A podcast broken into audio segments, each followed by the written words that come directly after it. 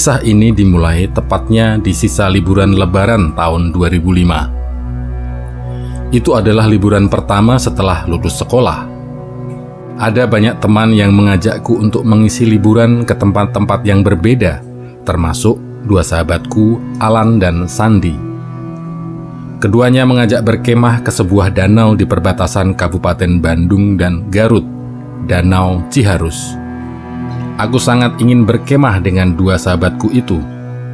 Sayangnya waktu yang ditentukan berbenturan dengan agenda liburan ke Anyer bersama teman lain yang sudah ditentukan jauh-jauh hari.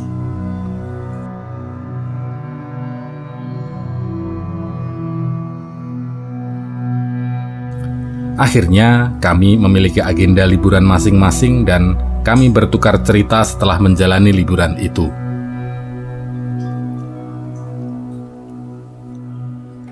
Oleh-oleh anyer.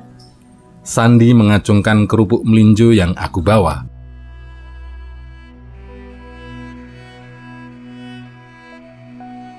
Selepas Isya, kami berkumpul di teras depan rumah Alan, mengobrol sambil menikmati kopi dan tentunya sederet makanan termasuk kerupuk melinjo dan lumpia.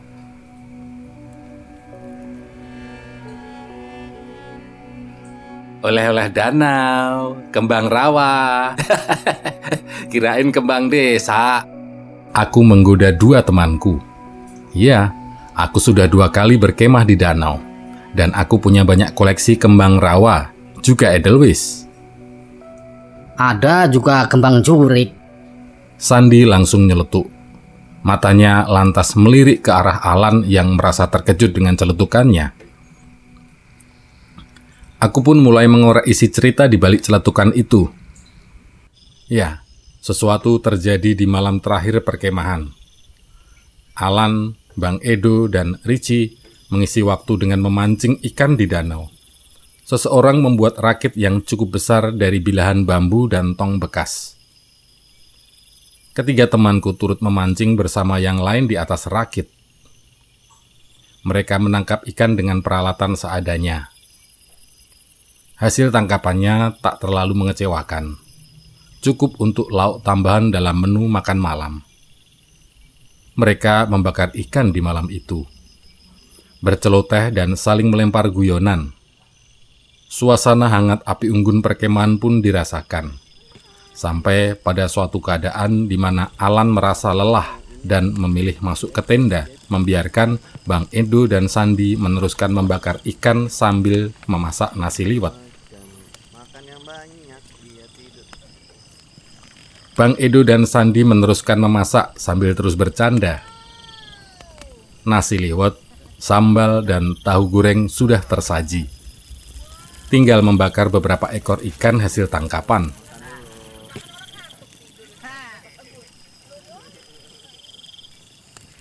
Mata Sandi menangkap ada seberkas sinar yang keluar dari permukaan danau.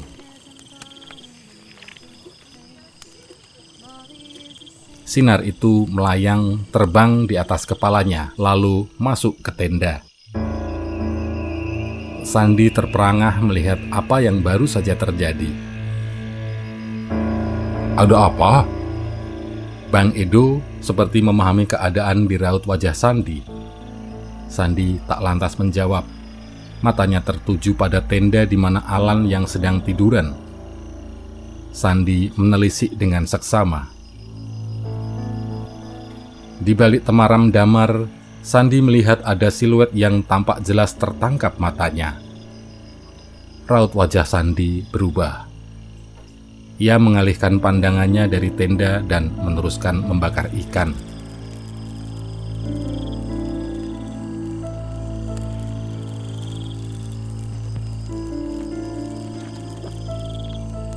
Punten, seseorang yang juga sedang berkemah berjalan melewati mereka.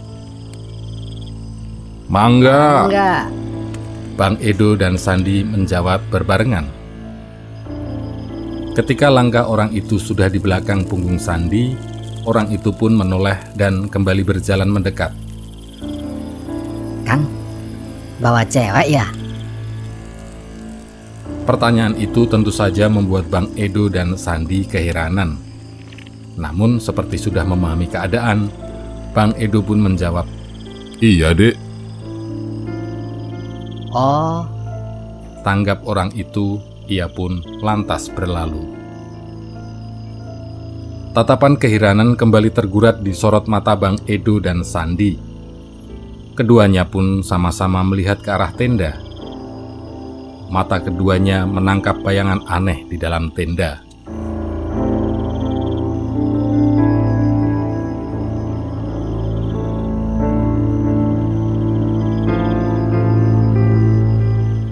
Lan, ayo makan. Ajak Edo setengah berteriak. Ia bermaksud meminta Alan keluar dari tenda. oke, sip. Jawab Alan singkat. Berselang beberapa detik kemudian, Alan tidak juga keluar dari tenda.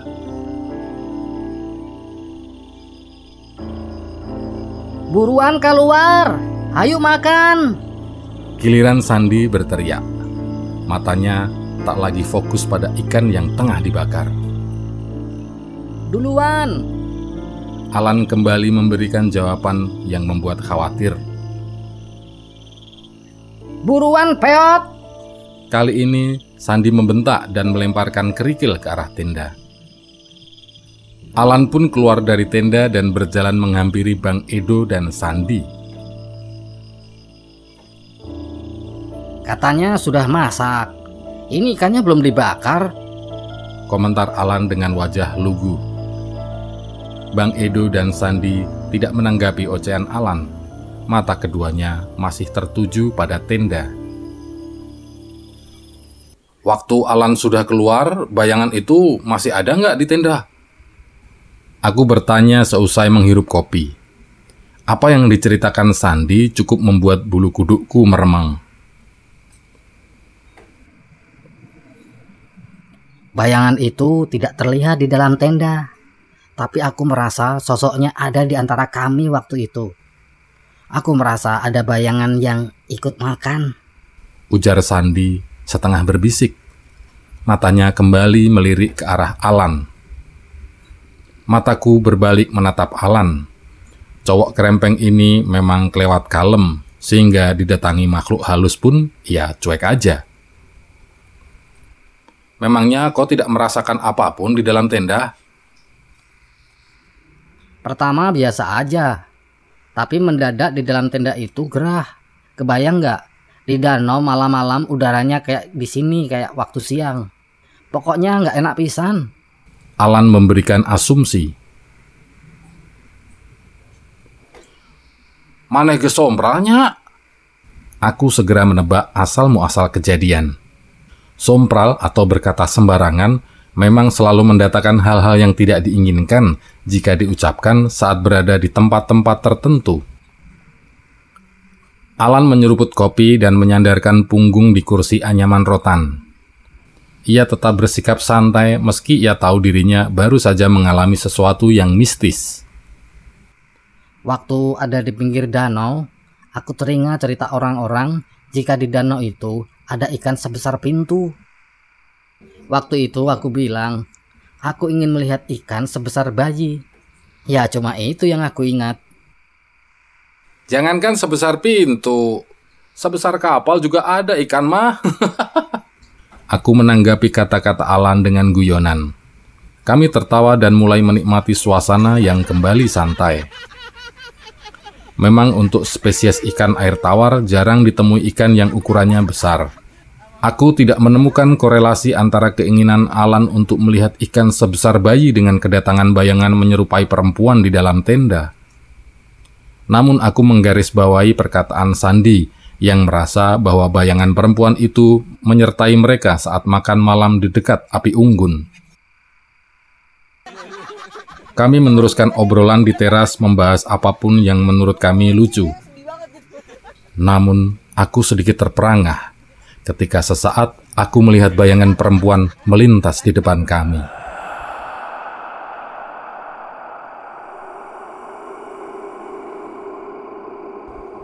Aku melirik ke arah Sandi.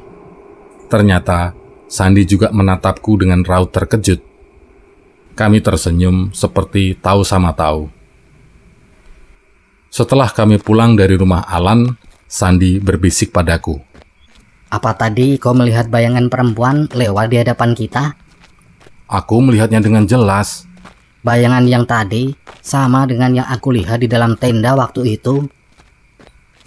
Apa? Kali ini aku benar-benar terkejut.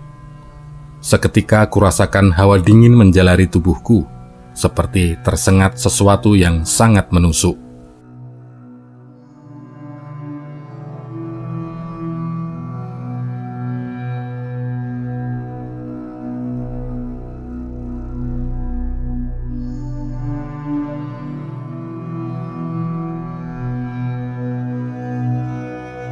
Nongkrong di teras depan rumah salah seorang teman menjadi kebiasaan yang asyik untuk mengisi waktu. Apalagi di awal kelulusan, hampir semua temanku menganggur. Kebiasaan nongkrong itu tidak hanya dilakukan di teras rumah teman laki-laki, tapi juga di teras depan rumah teman perempuan, seperti yang kami lakukan di malam itu. Bagian depan rumah Risma dijadikan tempat berkumpul Tempatnya cukup luas dan ada taman kecil yang ditumbuhi bunga dan beberapa pohon mangga. Saat nongkrong, kami terlihat seperti pengganggu ketenangan lingkungan karena kami tak segan tertawa lepas. Khusus di depan rumah Risma, karena tidak ada teras, kami duduk di sembarang tempat. Alhasil tak jarang membuat orang kesulitan lewat. Ada gang kecil di sebelah rumah Risma menuju kontrakan yang ada di belakang rumah teman kami itu. Kami tak bisa menghitung sudah berapa kali mendengar orang menyebut punten, dan sebanyak itu pula kami membalasnya dengan mangga. Di tengah kehangatan suasana ngumpul, aku merasa ada seseorang yang sepertinya malu-malu ingin lewat. Orang itu melongokkan kepalanya di ujung gang, lalu menarik kepalanya lagi, seperti melangkah mundur. Berulang kali ia melakukan hal itu. Yang mau lewat, mangga, kataku sambil mengarahkan pandang ke mulut gang. Teman-teman tidak menggubris kata-kataku. Kami lalu larut dalam guyonan dan tawa hangat. Sampai kehangatan itu mulai memudar oleh perkataan Alan. Ada perempuan yang mau lewat. Pindah ah, takut menghalangi jalan. Perempuan. Risma mengerutkan keningnya. Ibu-ibu bukan? Seumuran kita-kita. Jawab Alan santai. Siapa? Nggak ada cewek seumuran yang ngontrak di sini. Kalau tidak ibu-ibu ya anak kecil. Ah, ke mana baik, peot? Risma mengabsen para penghuni kontrakan, dan ia tidak menemukan ciri-ciri yang diberikan Alan. Teman-teman pun kembali menikmati suasana hangat yang penuh kebersamaan. Sementara itu, aku tetap merasa janggal dengan sosok yang berada di mulut gang. Ia masih saja melongokkan kepalanya berulang kali, namun tak kunjung berjalan melewati kami. Beberapa kali aku melirik ke mulut gang setiap kali perasaan itu muncul. Setiap kali itu juga aku menatap Sandi. Kurat wajah Sandi seperti yang sudah kuhafal. Ia sepertinya menyadari hal yang sama seperti yang kurasakan. Hei, mau lewat? Silahkan. Siti berseloroh. Ia juga menatap tajam ke mulut gang. Kali ini aku merasa semua temanku juga merasakan keberadaan orang di mulut gang itu. Namun di saat bersamaan, aku merasakan suasana yang kurang nyaman. Kegerahan yang tiba-tiba kurasakan ini bukanlah dari udara malam. Mendadak, aku merasa ada yang janggal di mulut gang itu. Ah, siapa sih? Risma beranjak dari tempat duduknya dan berjalan ke mulut gang. Ia bermaksud memeriksa keberadaan orang itu. Ah, tidak ada siapa-siapa. Katanya setelah kembali dari mulut gang. Teman-teman tidak menaruh curiga sedikit pun. Mereka malah menganggap hal itu hanya guyonan.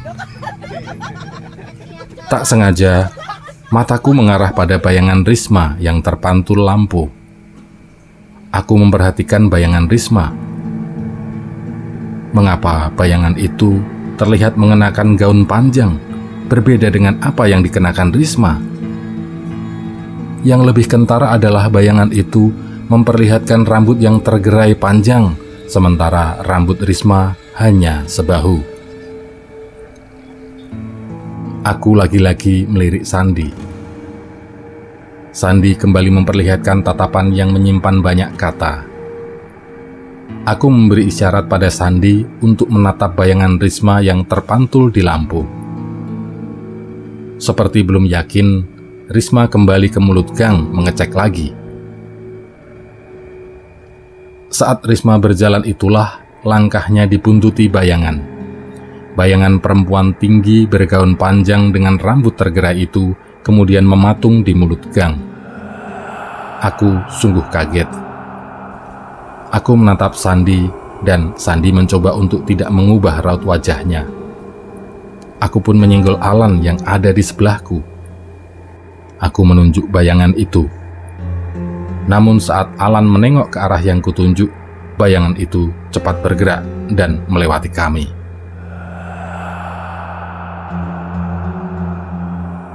Mangga. Sandi berseloroh ketika bayangan itu bergerak. Mangga, buah mangga enak dirujak. Tanggap Risma berceloteh seperti biasa, merasa tidak ada yang aneh.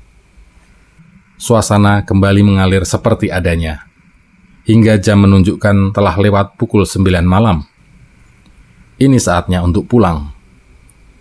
Dalam perjalanan pulang, aku dan Sandi kembali menyentil kejadian yang baru saja kami alami. Bayangan itu. Aku mendesis menatapi raut ketegangan di wajah Sandi. Bayangan yang sama. Sandi berbisik, menatap lurus jalanan yang mulai lengang.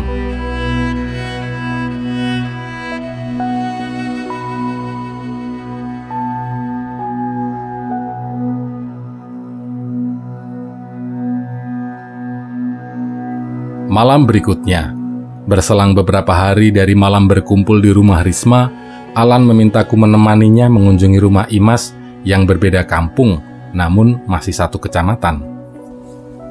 Alan menjemputku menggunakan motor, dan kami pun meluncur ke rumah Imas. Sampai di rumah Imas, suasana ngumpul seperti yang sudah biasa kami nikmati.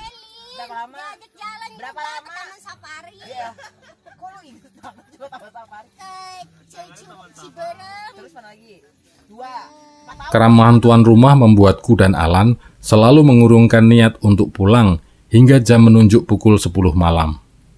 Kami pun pamit pada Imas. Imas mengantar sampai teras depan. Aku kembali melihat bayangan aneh yang berdiri di antara motor dan pohon mangga. Ya, Alan memarkir motornya dekat pohon mangga itu aku terus memperhatikan bayangan itu. Bayangan itu berdiri ketika Alan mendekati motornya. Saat Alan menaiki motor, bayangan itu ikut naik di boncengan Alan.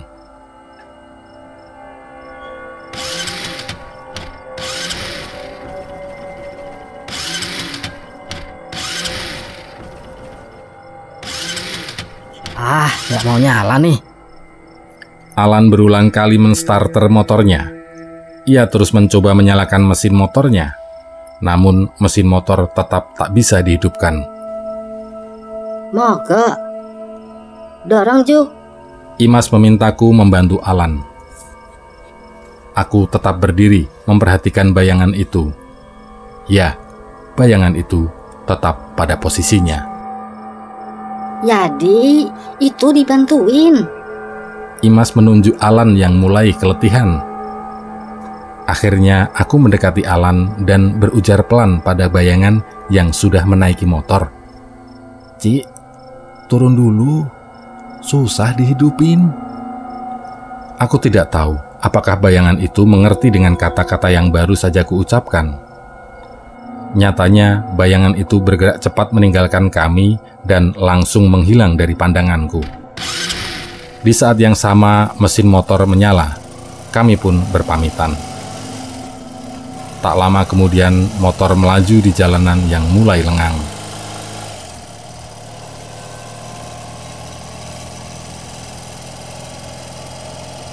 Jalanan semakin terasa lengang saat motor yang dikendarai Alan menikung masuk gapura kampung tempat tinggal kami. Kampung yang sering menjadi bahan pembicaraan karena beberapa penduduknya diduga sering menjalani pesugihan. Di kampung ini juga ada begitu banyak bangunan tua dan beragam cerita mistisnya. Aku mulai merasakan hawa yang berbeda ketika laju motor mulai mendekati rumah Kapten Wendy, villa tua yang sudah berdiri saat kampung ini masih berupa belantara. Aku menghirup aroma melati yang menyengat saat melewati rumah Kapten Wendy. Wangi melati itu seolah menempel di hidungku. Aku terus mengendus wangi melati meskipun motor telah jauh meninggalkan rumah Kapten Wendy. Semakin aku menghirup wangi melati, semakin kurasakan hawa yang sungguh tidak mengenakkan.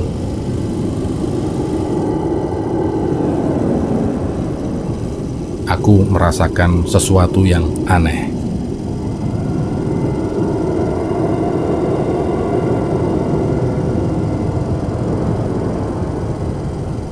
Mundur sedikit bro, nempel amat. Alan memintaku untuk sedikit memundurkan posisi dudukku. Matanya menatap lurus jalanan kampung yang sepi. Aku tidak mengubah posisi dudukku.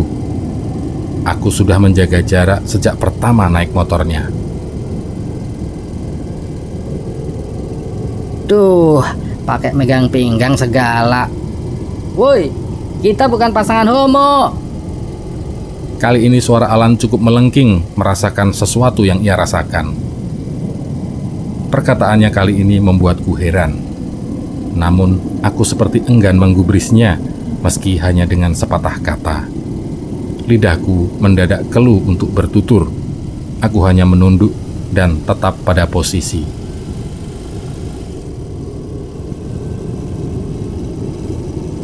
hingga saat kami melewati grosir yang memasang lampu neon. Cahaya dari lampu neon itu memberiku gambaran yang cukup jelas. Aku melihat bayangan itu lagi. Aku terus memperhatikan bayangan dalam keremangan malam dan sorot lampu-lampu rumah yang terletak di pinggir jalan. Bayangan itu ada di antara aku dan Alan. Ia duduk dengan posisi menyamping ke kiri, lengan kanannya melingkari pinggang Alan. Seketika keringat dingin bercucuran di sekujur tubuhku. Dadaku berdebar kencang, lututku lemas. Beruntung, rumahku tinggal beberapa jengkal lagi. Kiri, Mang. Ucapku sambil menutupi ketakutan yang kurasakan. Alan menepikan motornya dan berhenti di depan rumahku. Ia kembali meluncur setelah aku turun dari motor. Yuk ah, Serunya. Aku masih berdiri di depan rumahku. Tatapanku tetap mengarah pada bayangan itu. Aku semakin terkejut karena bayangan itu berubah menjadi seperti hologram. Ya, sosok perempuan bertubuh tinggi semampai dengan rambut yang tergerai panjang. Perempuan yang mengenakan gaun panjang, kulitnya seputih salju. Ujung kakinya memiliki sisa-sisa lumpur dan beberapa potong rerumputan. Wajah perempuan itu tersembunyi di balik rambutnya. Tubuhku seperti mematung dengan posisi menatap laju motor Alan. Motor yang kemudian menghilang dari pandanganku saat menikung masuk ke halaman rumahnya. Alan akan memasukkan motornya beserta sosok lain yang menyertainya. Majalaya, 10 Desember 2014